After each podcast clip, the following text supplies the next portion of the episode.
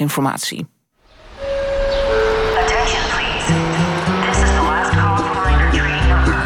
Bureau Buitenland, Nachtexpress. En provenance de Paris-Montparnasse. Presentatie Abdou Bouzerda. Informiamo i viaggiatori che il treno regionale Goedenacht en welkom in onze nachttrein die in totaal door 12 bijzondere steden trekt. En deze week zijn we precies halverwege op onze reis. Onze gids de komende twee uren is kunstenaar en heeft zijn wortels deels in Polen liggen. Daar ontmoette namelijk zijn Nederlandse papa een schone Poolse. Zij veroverde zijn hart, maar moest daarvoor haar thuisland opgeven. Maar elk jaar in de zomervakantie reden zij met hun gezinnetje naar het Oost-Europese land. Hun zoon, mijn gast dus, komt er nog regelmatig voor allerlei kunstprojecten. Marek van der Waterin is zijn naam en met hem zijn we bij Halte 6, Warschau.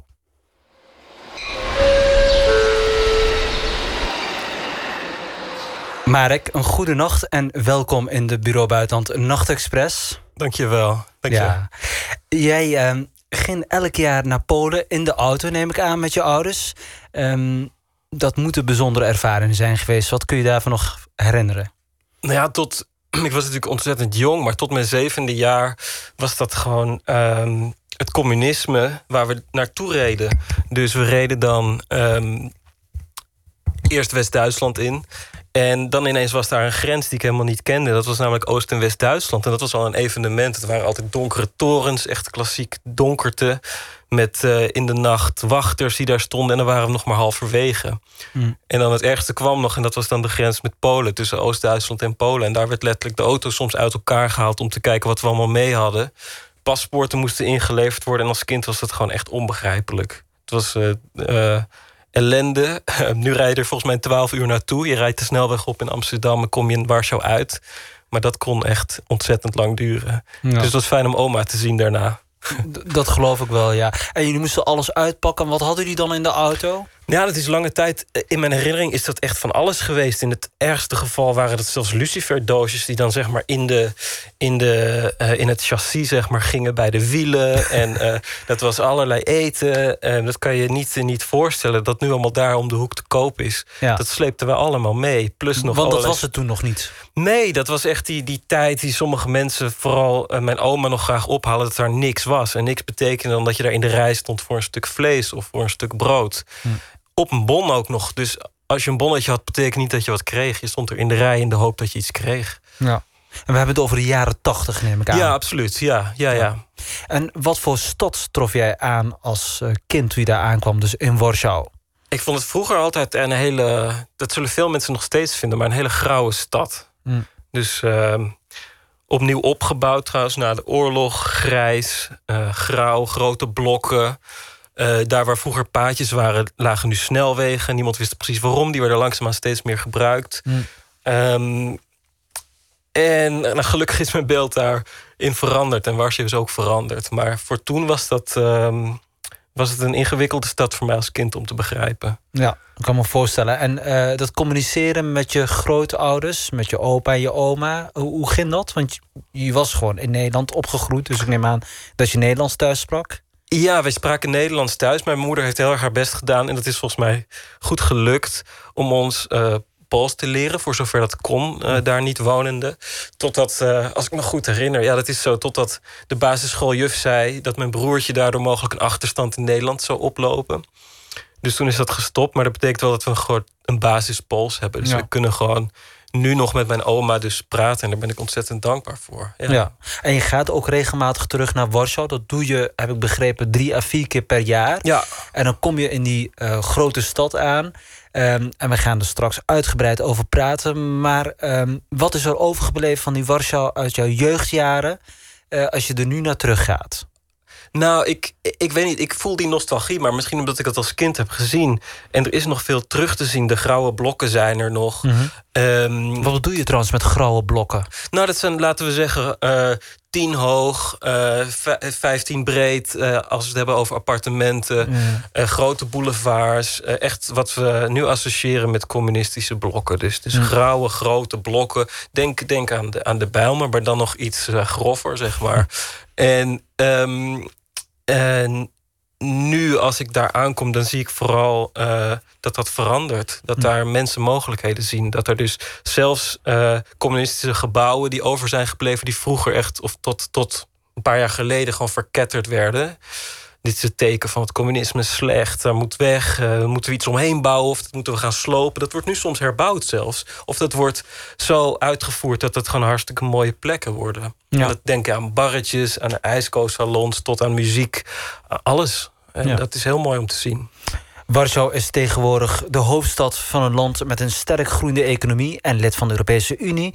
We gaan deze stad met jou verkennen, Marek. We gaan het bijvoorbeeld hebben over kunst, uiteraard, professionele hooligans, de omstreden Holocaustwet.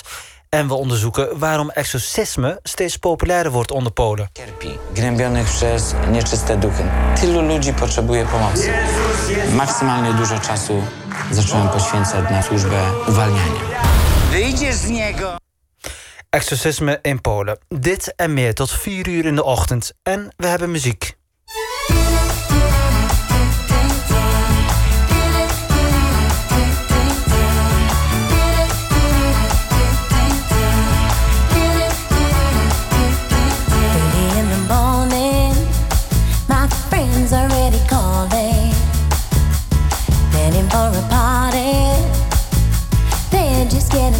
for a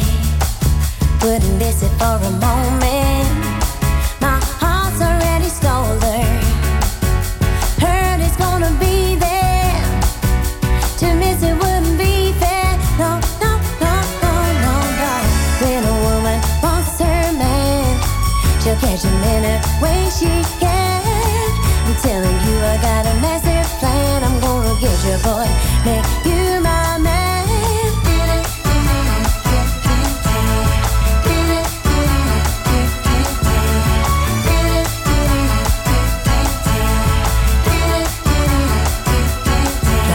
the highway.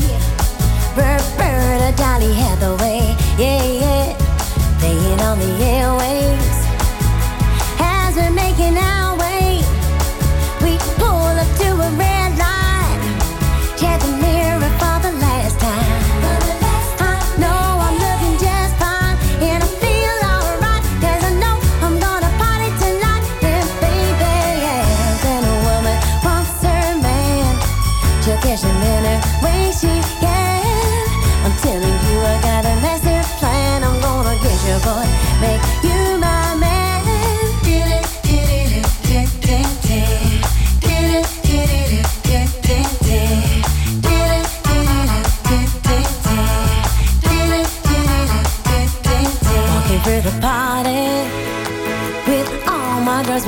me, yeah. Suddenly I saw him.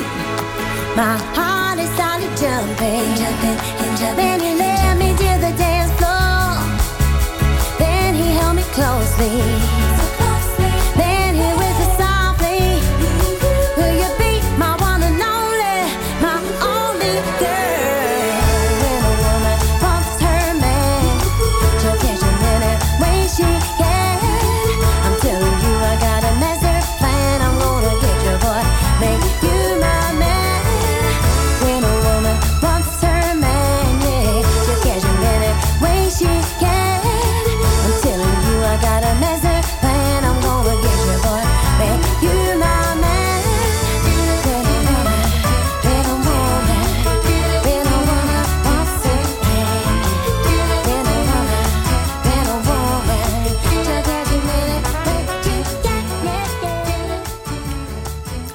When a Woman van Gabriel.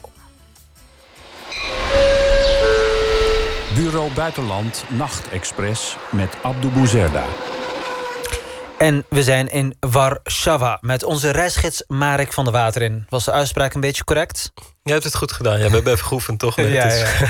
Ehm, hoe leuk is Warschau?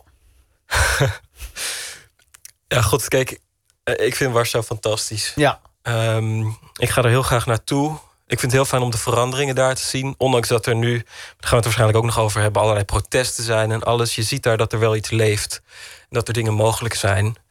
En ehm, er worden prachtige dingen gedaan. Mhm. Eh, boulevard aan de rivier die voorheen nooit bestond. Die boulevard, dat was een snelweg. Er wordt daar zoveel gedaan om het een eh, mooie stad te maken. En is het zo dat elke keer als je teruggaat... dat je ziet dat die stad aan het veranderen is? Zichtbaar aan het veranderen is? Ja, ik denk, ik denk ehm, voorheen was het zo, al het geld eh, ging naar één straat. Die straat heet eh, de Nieuwe Wereld. En dat was de straat waar je dan vooral Westerlingen naartoe bracht, zeg maar. Om te laten zien hoe goed het ging. Maar twee straten verderop was het eh, echt aftans. En nu zie je dat, dat dat allemaal verandert. Dat de parken verzorgd worden. Prachtige parken, echt heel mooi. En ehm, dat er dus geld gestoken wordt in dingen anders dan pure infrastructuur. Dus dingen die, die plezier opleveren of dingen die ehm, jonge mensen faciliteren. Ja. Dat is heel mooi om te zien. En, en de mensen op straat, eh, qua kleding en doen en laten... zie je dat ook veranderen? Nou ja, ja, ik moet er altijd een beetje om lachen. En ik mag het misschien eigenlijk niet zeggen. Vooral naar mijn achterneefjes toe. Maar voorheen was het vooral opvallend hoe eh, jonge mannen zich kleden. Ehm, we gaan het straks over hooligans hebben. Die hebben nog steeds die kledingstijl aangehouden. Dus, eh, Dus een kort kapsel, marinierskapsel. marinierskapsel, dan wat ze traditioneel... ze noemen dat altijd eh, Adidas schoenen. Ook al zijn dat Nike's. In Mhm. Polen zeg je gewoon Adidas schoenen. Dat zijn Ook als sportschoenen. Nike's zijn. Ook als het Nike's zijn. Het zijn Adidas. En, ehm, en een trainingsbroek. Ja. En dat is het. En eh, dat is langzaamaan gaan veranderen. Dus ik zie nu bijna geen verschil meer eigenlijk. Niet dat het een beter is dan het ander. Maar het is gewoon opvallend om te zien dat we van dat zijn overgegaan naar zoals jij en ik er nu bij zitten. Ja. En ehm, je hebt het over eh, de stad gehad, eh, de gebouwen. Je noemde ze grauw en je refereerde naar eh, communistische bouwstijl. Ja. Ehm, geldt het voor de hele stad? Wat is er nog? Want het is een hele oude stad. Is er nog iets ja. overgebleven van de middeleeuwse architectuur bijvoorbeeld? Nou ja, dat is heel opvallend. Als je nu zou zeggen het centrum van Warschau, het oude centrum... dan ga je dus letterlijk naar een plek... en ik vergelijk die nu met Disneyland. Dat is het oude centrum, dat is compleet herbouwd. Dus in de Tweede Wereldoorlog is Warschau met 90% ongeveer vernietigd. Ehm, en het eerste wat werd heropgebouwd... eh, op basis van de oude plannen, de oude architectuurplannen...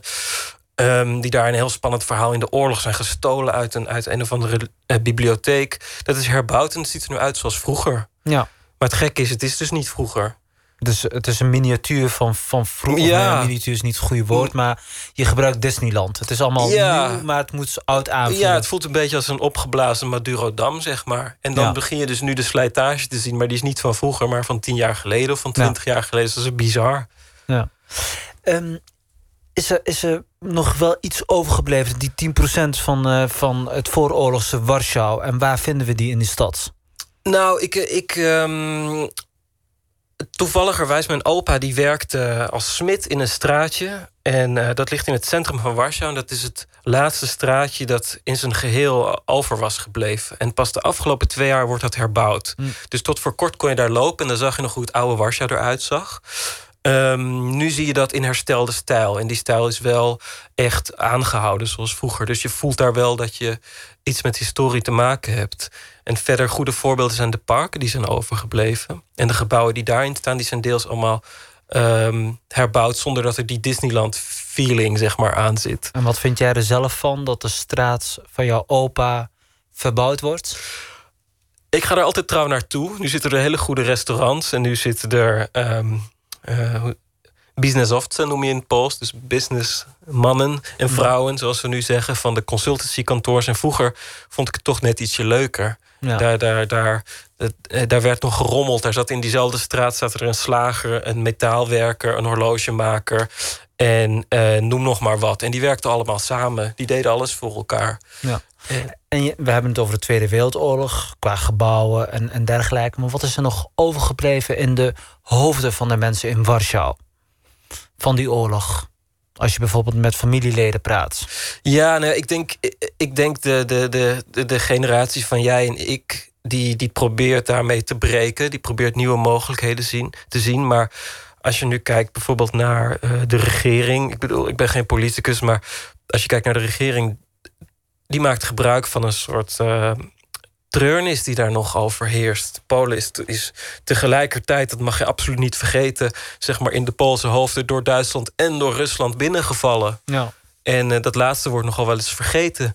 En het Ehm, laatste dat, is dat de Russen ook nog eens Polen zijn dat is, binnengevallen. ja, en dat, is dus, dat maakt dat, dat beide buren zeg maar, nog steeds eh, eh, tot kwaad in staat zijn, of, of waren in ieder geval. Mhm. En ehm, wat daarvan over is, is dat, er, dat, dat wat nu nationalisme wordt, patriotisme wordt, xenofobie, zeg Mhm. maar. Gewoon de angst voor buiten. Polen moet zelf sterk zijn. Dat is, dat is daaruit overgebleven. En dat is allemaal gerelateerd aan die eh, zeer traumatische ervaring die dit land heeft gehad als gevolg van de Tweede Wereldoorlog. Nou ja, de Tweede Wereldoorlog is gewoon een lange, een, een, een moment in een lange reeks. Daarvoor zijn er Mhm. veel meer dingen voorgekomen. Tragische dingen. Polen heeft niet bestaan. Polen is opgeschoven meerdere malen. Polen is gigantisch groot geweest tot aan de Oekraïne. Eh Polen is miniatuur geweest als provincie. En de Tweede Wereldoorlog die heeft daar in ieder geval in de hoofdstad gewoon achtergelaten dat die hoofdstad er niet meer was. Ja. Dus die bestond alleen in de hoofden. En wat kreeg jij mee van die Tweede Wereldoorlog als jij bij je opa en oma aan tafel schoof? Werd er nog wel eens over gesproken, bijvoorbeeld? Nou ja, ehm, mijn opa die was verzetstrijder. eh, vlak buiten Warschau. En eh, hij wilde, zo klassieke opa, die wilde daar nooit over praten. Dus wat ons nu rest is een aantal medailles. En mijn oma die daar maar al te graag over praat. Eh, maar mijn oma wil nogal eens zeg maar, werkelijkheid met fictie vermengen. Ik denk ook uit liefde. Ja, Ehm, ze houdt van die man. ja, ze houdt van die man. En, maar wat zij altijd zegt is... ik heb de stad zien branden. Dus zij zag de stad eh, ehm, voor haar ogen vernietigd worden. Ja. Want je opa en oma, die, dat waren gewoon volwassen mensen. Waren ze met elkaar getrouwd tijdens de Tweede Nee, Wereldoorlog? ze waren toen nog niet getrouwd. Ah, Sterker nog, zij kenden elkaar niet. Oh ja. Eh, toen nog, dat is pas allemaal daarna gebeurd. Ja. Maar die herinnering vooral van mijn oma... ehm, die is heel levendig, dat ene beeld. Dus dat zij in de verte, of nou ja, op een aantal kilometer afstand... ze wonen op de rand van de stad... zagen zij, eh aanschouwden zij wat daar gebeurde. Ja. wat het resultaat daarvan was. Jij kan goed vergelijken, omdat je natuurlijk in Nederland bent opgegroeid en regelmatig naar Polen gaat. Ehm, eh, en jij kan waarschijnlijk hier beter ook een antwoord op geven. Is de oorlog eh, verwerkt op dezelfde manier als bijvoorbeeld in Nederland? Ehm, heeft het een plek gekregen? Ik bedoel, het is natuurlijk een proces. Ook nu eh, weer wordt de Tweede Wereldoorlog besproken. Denk aan het monument wat eh, binnenkort in Amsterdam wordt gebouwd. 110.000 bakstenen. Ehm, maar wordt het op dezelfde manier besproken? En als het gaat om slachtofferschap, eh, daders en, en noem het maar op. Ik, de, ik, ik denk eh, van niet. Ehm, wat nu heel erg heerst, en dat komt eh, vooral door hoe de regering dit denk ik nu in Polen dat aanpakt, namelijk vol eh, patriotisme, zoals dat daar heet. We zouden dat nationalisme noemen, misschien zelfs extreem nationalisme. Ehm, er wordt er alleen maar gezocht naar helden.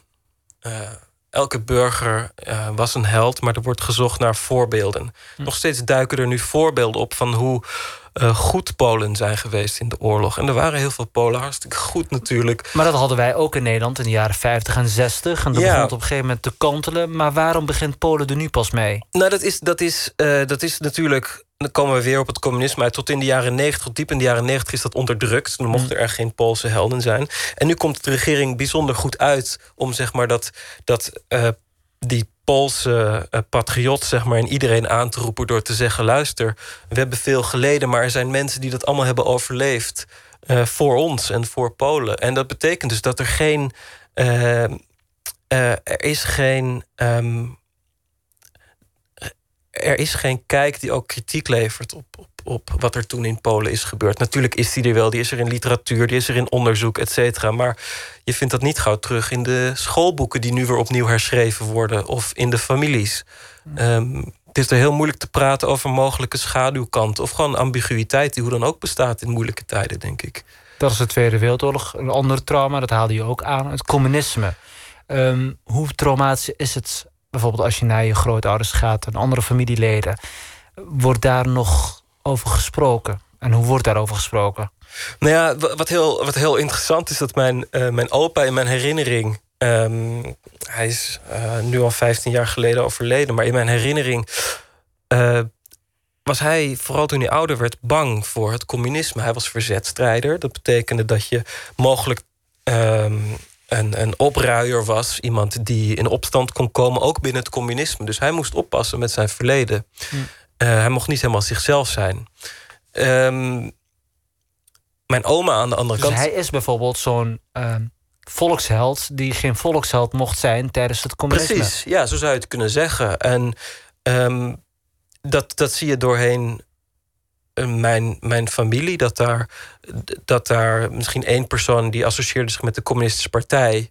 eh, daar wordt nu niet meer over gesproken. Maar mijn oma, dat vind ik nog de belangrijkste die het daarover heeft. Die zegt: Kijk eens, eh, daar begonnen we eigenlijk mee. Nu is alles te, te krijgen in de winkels. Nu hoeven jullie niks meer mee te nemen uit Nederland. Nee. Sterker nog, als jullie met één doosje koekjes aankomen... dan hebben wij hier vijf verschillende soorten koekjes. Ja. Die zijn hier gewoon om de hoek. En die zijn nog goedkoper ook dan bij jullie. Dus kijk eens hoe mooi het allemaal is geworden. Dus zij doet het vooral, zeg maar... zij is heel goed in productvergelijking, om het zo maar te zeggen. Heel goed. We gaan eh, hopelijk straks nog meer over jouw oma en de rest van de familie praten in eh Warschau. En over je eigen ervaring natuurlijk in die stad. We gaan nu even uit voor Arms Open van de Script.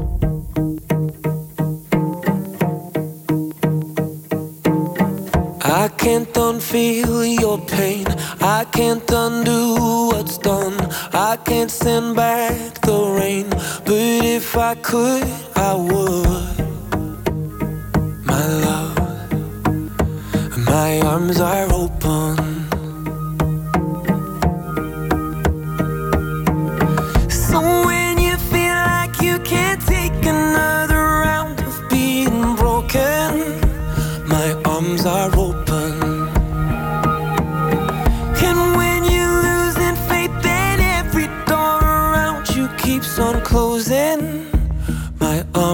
Open.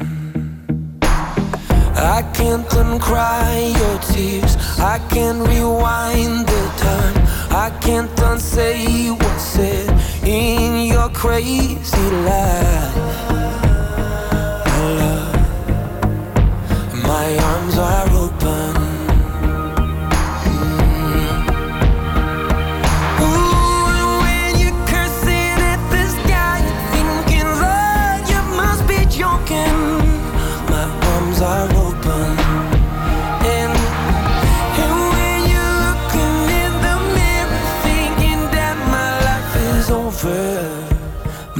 arms are open. My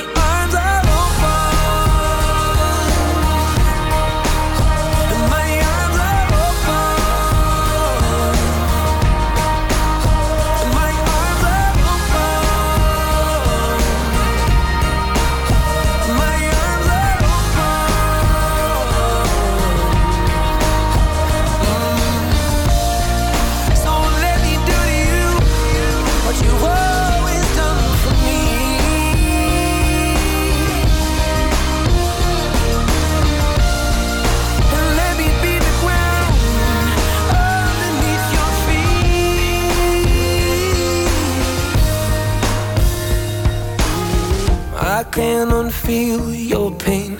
I can't undo what's done.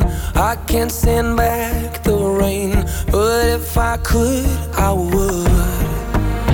My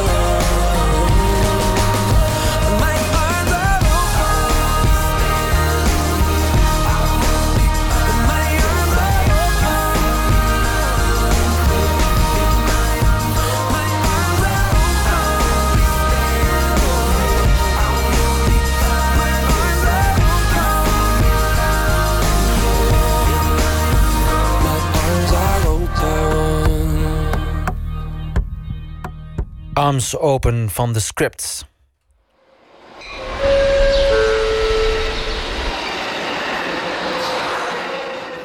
En dit is de Bureau Buitenland Nachtexpress. En we zijn op halte 6, Warschau. Staat u op het punt om te gaan slapen... maar wilt u ook graag dit gesprek afluisteren? Dan heb ik de volgende tip voor u. Op iTunes, Stitcher of Podcast Addict... kunt u onze app downloaden. Alle afleveringen zijn hierop te beluisteren... wanneer u dat wilt. Mijn gast Marek van der Waterin en de nog andere wakkere luisteraars. Fijn dat jullie er nog zijn. Um, Marek, laten we over jouw werk praten. Uh, kunst in Warschau. Ja. Je gaat er nog regelmatig naartoe. Ja. Um, wat doe je dan precies? Nou ja, het is, ik heb lange tijd ben ik daar alleen maar naartoe gegaan om familie te bezoeken. En sinds uh, vorig jaar, maar eigenlijk al ver daarvoor had ik die wens, maar sinds vorig jaar echt um, ben ik daar ook uh, connecties gaan leggen als kunstenaar en maak ik daar ook werk. En uh, dat komt door een residentie die ik heb gedaan. Ik ben daar eigenlijk te gast geweest uh, in een instituut voor hedendaagse kunst. En wat ik daar toen heb gedaan is een aantal maanden heb ik um, naar ben ik eigenlijk geïntegreerd in een groep van een professor die daar les geeft, of eigenlijk van twee professoren. En zo werk ik veel vaker. Vaak laat ik mezelf integreren in een groep die me fascineert, vaak een kleine groep. Um, die een beetje gek oogt van buitenaf. En daar maak ik dan werk over. En dat kan dan een documentaire zijn, of dat kan een, um, een serie tekeningen zijn, of foto's, of, of zelfs uh, een stuk tekst. Maar dat heb ik dus daar gedaan. Dus ik, ik heb daar zo connecties opgebouwd. En nu ga ik, zeg maar, uh, als ik vier keer zou gaan naar Warschau, zou ik twee keer gaan om daar werk te maken of op te starten. En twee keer om daar oma te zien en tante en de rest van de familie. Ja, en je zegt uh, het moet een beetje gek zijn en het moet integreren. Wat maakt deze professoren zo gek dat je daarin uh, wilde integreren? Nou, omdat er, er heerst in de Poolse kunstzien vooral, maar ook een beetje daarbuiten heerst er een soort uh, mythe wat betreft deze professor. En dat is dat hij wel heel gekke dingen doet. En dat betekent dat het een bijna secteachtige verschijning wordt. Dat mag ik daar eigenlijk niet zeggen.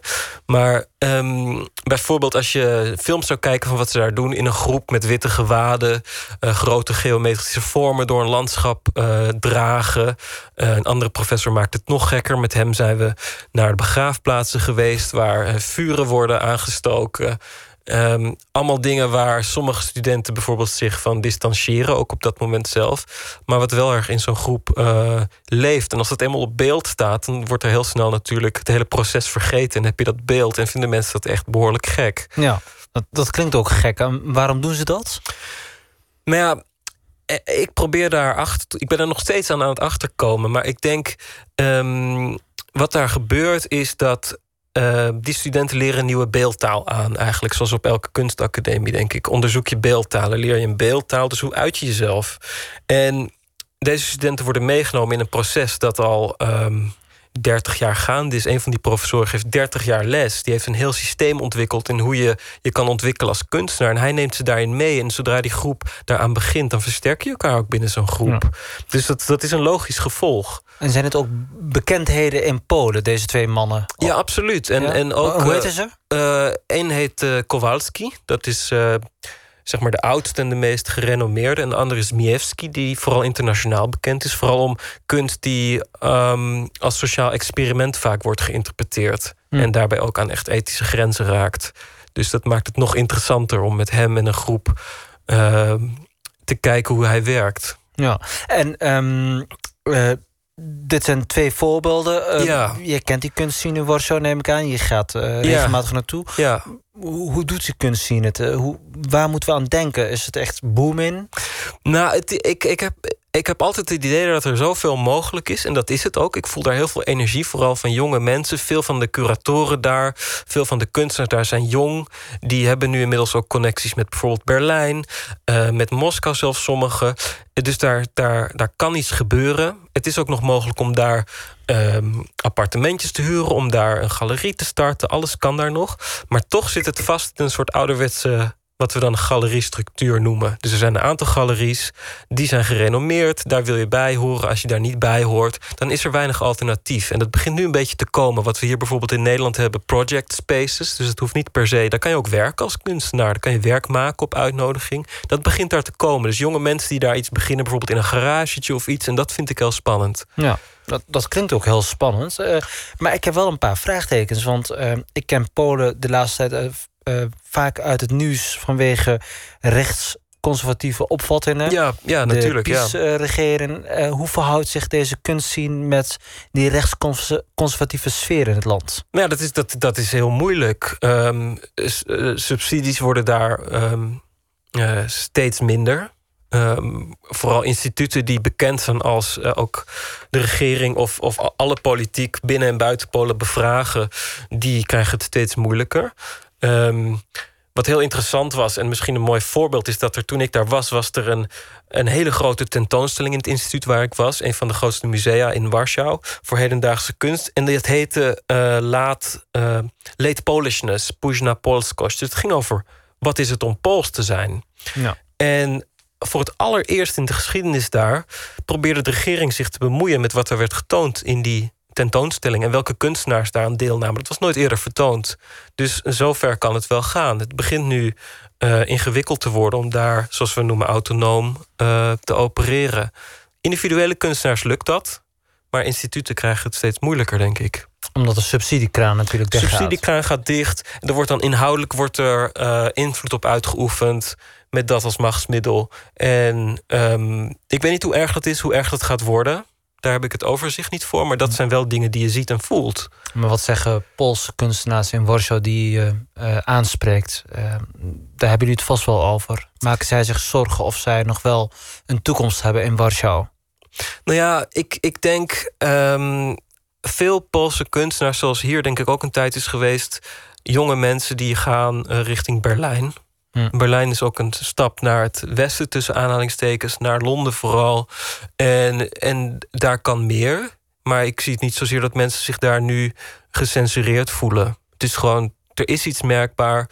Ehm, eh, dat gaat misschien niet de goede kant op, maar we zien wel hoe dat gaat. Ik bedoel, Ja. ik zie daar geen kunstenaars vluchten, bij wijze van spreken. Eh, je zou ook kunnen verwachten dat er een rebelse geluid gaat klinken vanuit de kunst. Richting eh, die rechtsconservatieve klimaat in het land. Ja, ik heb dat dus niet gezien en dat valt me wel op. Ehm, eh, bijvoorbeeld waar ik heb, heb eh, deelgenomen aan tentoonstellingen... daar zie je wel dat de hele organisatie, het hele instituut... of het museum, of hoe je dat ook noemt... en de kunstenaars die doen mee in protestmarsen... die daar bijna elke week zijn. Ehm, oh ja? Ja, toen ik daar was, was dat elke week. Misschien zal het nu om de twee weken zijn. Of om de drie weken. Maar er gebeurt heel veel. Ehm, groot of klein, er is altijd iets eh, aan Tegen de demonstraties. Tegen de regering of een element daarvan. Of een maatregel, lokaal of, in, of nationaal. En dus dat vond ik wel opvallend. Dat dus eh, in dat werk zie ik dat niet zozeer terug. Kritiek. Mhm. Ehm, maar iedereen gedraagt zich daar wel naar. Of veel mensen gedragen zich daar wel naar. Ja. Je had het net over eh, kunstenaars die net we- westen trekken. Ehm, dus kritische geesten die eh, eh, ja, Polen achterlaten. Geldt dat voor eh, ook andere beroepsgroepen? Ehm, eh, hoe is het met de intelligentsia in Polen? Ah, Het is een moeilijke vraag, want ik. ik ehm, ik denk dat er. ehm, Laat ik het anders vragen. Jouw Ja. moeder is afgestudeerd in Polen. Dat is een flink aantal jaren terug. ja, Eh, en dit, daar heeft ze natuurlijk heel veel studiegenoten eh, leren kennen. Hoe is het met haar vriendinnen en vrienden van destijds afgelopen? Zitten ze nog in Polen? nee, dat is heel duidelijk. Daar is, denk meer dan drie kwart. Ehm, ze is afgestudeerd eh, natuurkunde. Ehm drie kwart is vertrokken, waarvan de helft naar Amerika. En dat ging dan ehm, daarom dat er in Polen leek er geen mogelijkheid tot ontwikkeling in dat vakgebied. Ja. Ehm, dus bijna iedereen zit in het buitenland. Maar ik moet je eerlijk zeggen, als ik zo nu naar mijn familie bijvoorbeeld kijk in, in Warschau, in Polen, eh, heb ik niet het idee dat daar veel van willen vertrekken of, of zouden vertrekken. Dus het is een beetje een soort van. Ehm, Want er zit natuurlijk ook heel veel energie in het land. Het land groeit. Absoluut. En er heerst ook, ehm, of dat nou op nationalistische gronden is waar je het wel of niet mee eens kan zijn. Ik denk dat er heel erg veel eh, wilskracht eh, heerst. En ook heel veel, vergeet niet, heel veel geld, eh, investeringen vanuit de Europese Unie bijvoorbeeld in zijn gestoken. Waar mensen iets mee doen of iets Hm. proberen mee te doen. Dus daar wordt er heel veel gedaan. Sterker nog, heel veel ehm, geld, heel veel kennis komt ook weer terug via de mensen die vaak tijdelijk naar het buitenland gaan. Of in ieder geval die banden aanhouden met familieleden. Dus volgens mij gigantische geldstromen, denk ik. Maar ik weet dat niet precies. Die zullen gaan eh, van Nederland naar Polen. Omdat Poolse mensen hier werken. Ja, sterker nog, ik heb ehm, eh, als onderdeel van mijn research voor dit programma ook begrepen dat er heel veel Nederlanders, of heel veel, in ieder geval een, flink aantal Nederlanders de afgelopen jaren naar Warschau zijn gegaan. Hmm. En eh, wat me elke keer opviel, is dat, ze, ehm, dat het ondernemers waren in de IT-branche. Ja. Eh, heeft dat nog een speciale reden waarom ze daar naartoe gaan, naar Warschau? Nee, ik denk dat er een aantal steden zijn, Warschau en Wrocław, die zich heel erg op dat gebied ontwikkelen. En ik, ik, ik, ik heb daar ook vaak over nagedacht. Waarom zou dat zo zijn? Maar ik denk dat er vooral klassiek, ik mag het bijna niet zeggen, maar in de opleiding van, eh, van jongens eh, heerst eh, technische opleiding is goed. Daar ga je later je geld mee, goed mee verdienen. Daar hoef je je geen zorgen om te maken. En op de een of andere manier zijn er heel veel IT'ers uitgekomen. Dus ik ken eh, Polen als een land met uitzonderlijk goede IT'ers. Met mijn achtergrond als informaticus. Ja. Ja. Jij bent kunstenaar tegenwoordig, Ja. eh, maar jij hebt ook informatica gestudeerd of informatiekunde. ja. Heeft dat daar ook een beetje mee te maken? Nee, dat denk nou ja, dat durf ik niet te zeggen. Maar ehm, ik herken wel dat mensen me liever aanspreken binnen de familie op mijn informaticus, informatiekundige zijnde dan als kunstenaar. Ja. Want, want is dat een dinnetje tijdens het eh, kerstdiner of eh, andere keren als je daar in het land bent, dat je kunstenaar bent?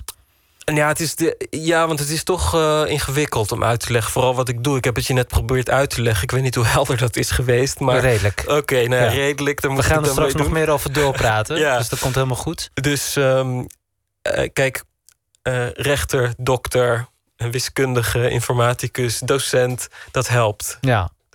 Ehm, in Polen. Over de conservatieve geest in het land en de rechtsconservatieve regering horen we straks meer. We gaan er ehm, nu even naar muziek luisteren. Don't Be Afraid of the Dog van Robert Cray Band.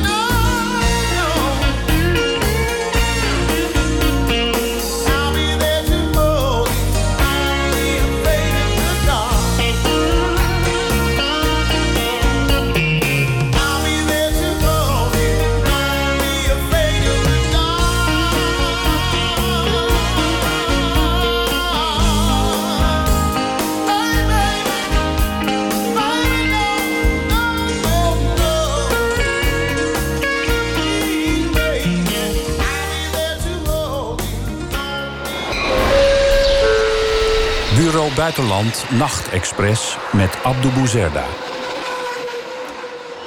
De conservatieve nationalistische regering van de partij Recht en Rechtvaardigheid, ofwel de PiS, wil het patriotisme onder de nieuwe generatie Polen bevorderen. Ook op school. Onze correspondent Michiel Driebergen vraagt op het lyceum in Krakau aan leerlingen en docenten wat zij van de scholing in vaderlandse liefde vinden.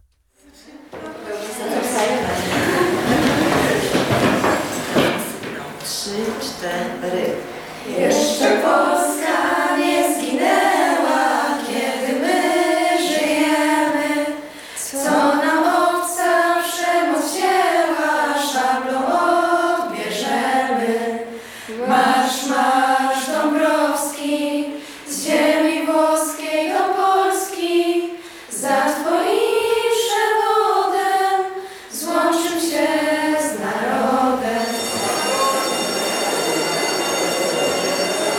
Ik ben uitgenodigd door docenten Engels Katarzyna Pwasa op het Adam Mickiewicz Lyceum in Krakau, waar jongeren op zitten vanaf 15 of 16 jaar.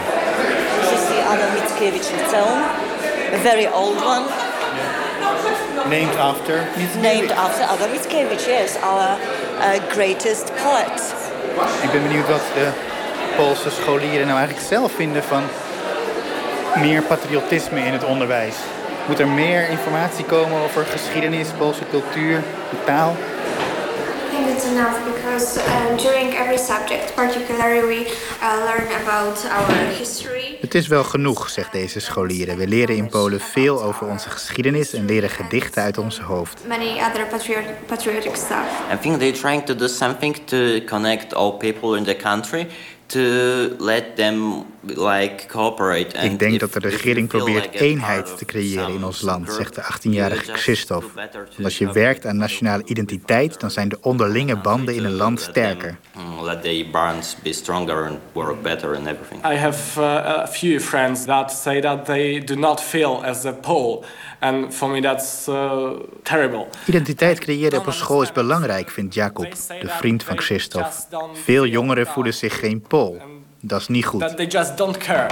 What government doesn't understand is that every person is different, and they're trying to connect the country to make it a country of people that are all the same and that are all thinking the same way, and that's just simply impossible. Maar alle mensen hetzelfde laten denken is onmogelijk, zegt zijn medestudenten. Dat veroorzaakt alleen maar problemen. Because there's just no way to connect people that way.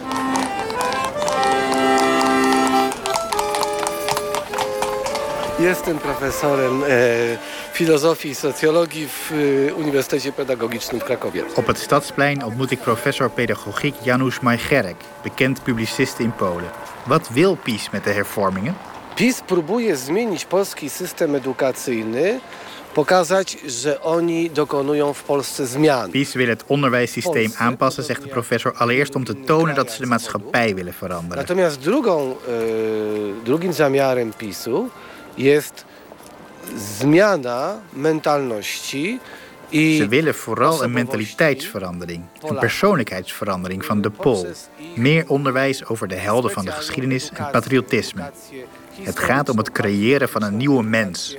ukształtowanie nowego człowieka, nowego typu Polaka.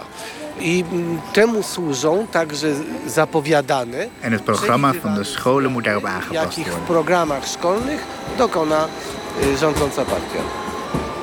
Zo wil PiS bijvoorbeeld meer aandacht voor de Poolse soldaten die eerst tegen de nazi's vochten, de Tweede Wereldoorlog, en vervolgens tegen de communisten daarna, zegt professor Majgerek.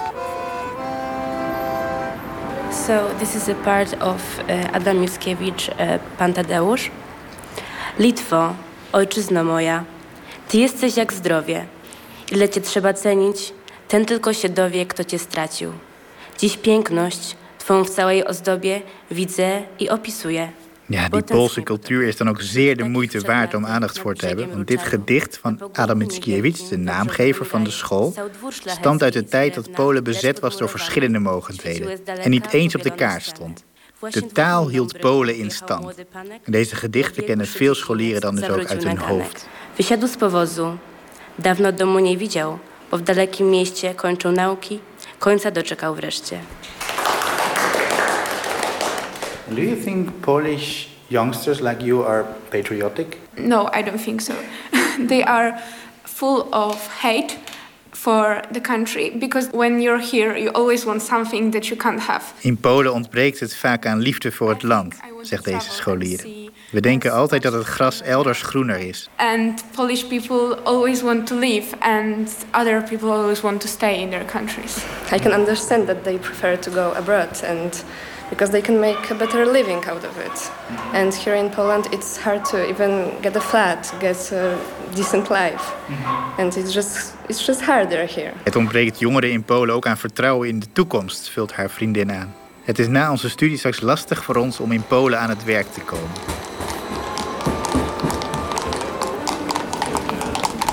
Niekoniecznie, niekoniecznie, ponieważ zwrot do historii często jest formą ucieczki od aktualnej.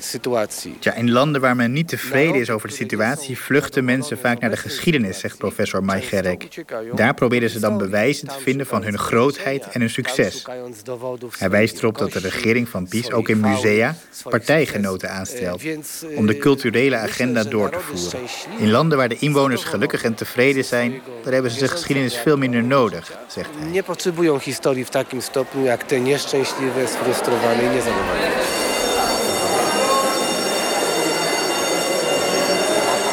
De les is afgelopen en de docente Katarzyna Płaca is tevreden met de plannen van de regering, zegt ze. I think that we should speak about Polish history, that we should stop being ashamed, because this this idea uh, very often I see in young people they think that Poland is like a country of losers, etc., etc., etc. So that's why they go abroad, and it's not true. This is a great country with fantastic history, with great achievement and great tradition, and that's what we should emphasize. Marsz, marsz Dąbrowski, z ziemi włoskiej do Polski, za twoim przewodem złączył się z narodem. Reportage van Michiel Driebergen van eind mei vorig jaar. En meegeluisterd heeft onze reisgids Marek van de Waterin. Um, Marek, heel veel aspecten die in deze reportage voorbij kwamen... hebben we al min of meer besproken. Uh, bezetting door vreemde mogendheden, patriotisme. Um, wat is je verder nog meer opgevallen? In de reportage? Ja? Nou, wat, me, wat, wat mij opvalt is... eh, en daar moest ik een beetje om lachen... is eh, hoe eh, religieus dit klinkt. Ja. Zelfs het, eh, je hoort het volkslied gezongen worden. Dat is net een, een koortje in de kerk. En dat is nu, nu echt iets wat gebeurt. Dat is ehm, een soort verwevenheid tussen kerk en staat. Waardoor zelfs Polen nu... Sommige Polen beginnen te denken... wil ik nog wel trouw naar de kerk? Eh, als je nu een mis binnenloopt... eh, zie je Poolse vlaggen hangen. Ja. dus die, voor mij doet het onwijs religieus aan... zoals ik Polen ken. Ehm, en dat, en dat was me nooit zo opgevallen. Over de katholieke kerk gaan we in het tweede uur wat uh, uitgebreider spreken. Nu eerst muziek Slow Down Love met...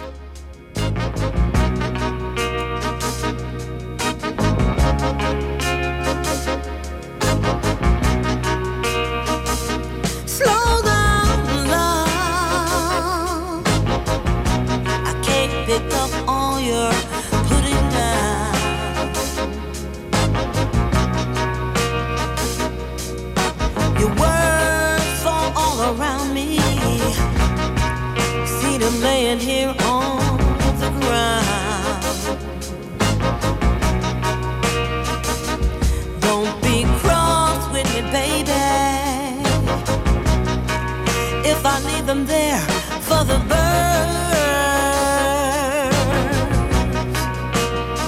Slow down, love, and come closer. Your kiss can tell me more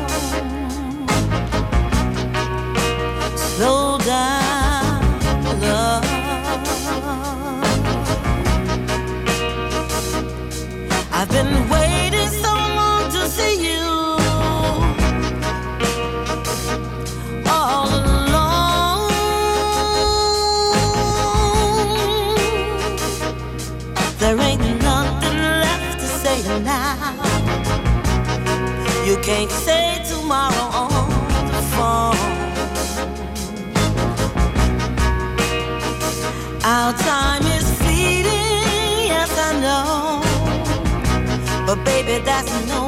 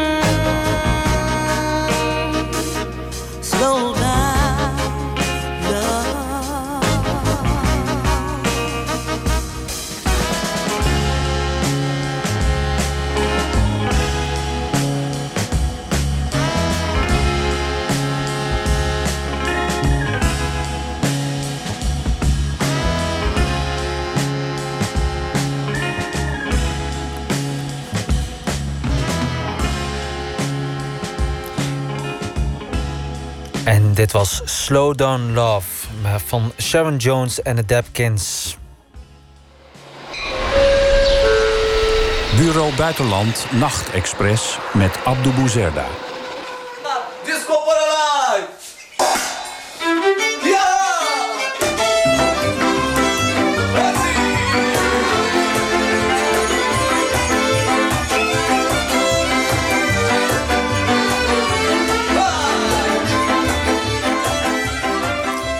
Disco Polo, muziek uit de jaren 90 in Polen. Wat het verbazingwekkend nog steeds heel goed doet. Marek van de Wateren, het kon niet anders. Of ehm, jij hebt ook wel eens een keer op deze muziek gedanst in Polen. Ja, dat is. Dat is ik, ik dans niet veel en niet per se graag. Maar ook ik heb hierop moeten dansen op een. eh, meerdere bruiloftsfeesten van achterneven. Het wordt ook echt op bruiloftsfeesten gedraaid. Absoluut. Dit is de, de, de geschiedenis hiervan is zeg maar. eh, in de tuin, het is zomer, barbecue gaat aan. De hele familie komt en dit gaat door de speaker, door de boombox, hoe je het ook allemaal wil noemen. En jong en oud, iedereen doet mee. Iedereen, je kan het onzin vinden of niet. Iedereen weet dat het onzin is. Het gaat over niks. Volgens mij het populairste liedje gaat over va, zeep. Dus gewoon eh, zeep, letterlijk. Ja, Nou ja, iedereen heeft zeep. Ja. Dus daar hoef je het niet over te hebben. Eh, het is simpel. Eh, nu is er een zender al een tijd lang, 24 uur per dag... kan je kijken en luisteren naar Disco Polo. Verbazingwekkend. Ik wist dat het belangrijk was, maar zo belangrijk had ik nog niet in de gaten. Ja, het is, het is zo belangrijk. Het is, het is ook zeg maar de eerste soort van, laten we zeggen, Poolse muziek. Hoe Pools je dit ook vindt, met roots in de soort van folk, in oude vertellingen. Nu hebben we een wat ouder stukje gehoord met klassieke instrumenten. Ehm, nu is dat bijna altijd zijn dat synthesizers, simpele melodieën. Hm. En ehm, het is de eerste Poolse muziekindustrie, zeg maar, die na het communisme, daar hebben we hem weer, eh, is uitgegroeid tot volwaardige nationale industrie. Ja, en is het dan ehm, volksmuziek eh, ehm, uitgevoerd met synthesizers? Want het voelt ook een beetje al... Ja, het is disco, disco polo. Het is disco. Je kan het vergelijken met, volgens mij noem je dat eh, met Italiaanse disco. Dus Mhm. eigenlijk simpel voor iedereen te volgen. En de teksten zijn een soort van vrij universeel. Dus het is, eh, het is echt feestmuziek. Je hoeft, je hoeft hier niks meer voor te kunnen behalve te bewegen om hier iets mee te doen, zeg Ja. En er is natuurlijk meer feestmuziek. Heb jij een verklaring waarom disco polo juist zo populair is... na zoveel jaren nog steeds in Polen? Ik denk dat het, dat het heel erg te maken heeft met, met ehm, gewoon hoe, hoe, echt hoe simpel dit is. Er, zijn, er is zoveel gedoe. We kunnen het zo lang over geschiedenis hebben. We hebben het ook al allemaal genoemd. Maar dit gaat eh, nergens over. En dat vindt iedereen oké. En daar kan je soms gewoon heel blij om zijn. Denk ik. En dat formule. mag. Ja, ja, gewoon accepteren dat we naar onzin luisteren. Ja. ja. Wa- Waar luister jij zelf overigens graag naar... eh, als het gaat om Poolse muziek? Nou ja, ik, volgens mij gaan we het er straks over hebben. Ik, ik, eh, ik luister graag naar Poolse hip-hop.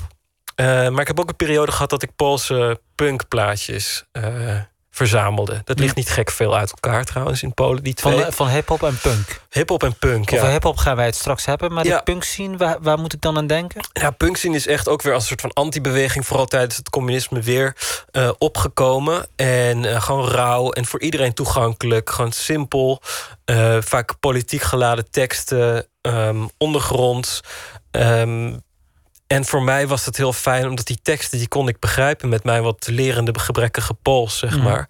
Dat waren vaak gewoon one-liners die herhaald werden. Dus voor mij was dat te begrijpen. En ik voelde die energie in die muziek. Dus zo, zo kreeg ik de energie, maar ik leerde ook nog wat. Ja. En die hand naar het, eh, naar het Pools en de Poolse taal... heb je dat altijd al gehad als kind... of is dat pas op latere leeftijd gekomen? Ik denk, ik, ik spiegel me aan mijn broer, broertje, broer, ehm, die dat minder heeft dan ik. Die voelt zich volgens mij minder aangetrokken tot Polen, ook al heeft hij het daar geweldig naar zijn zin. Mhm. Eh, ik weet niet waar dat vandaan komt bij mij.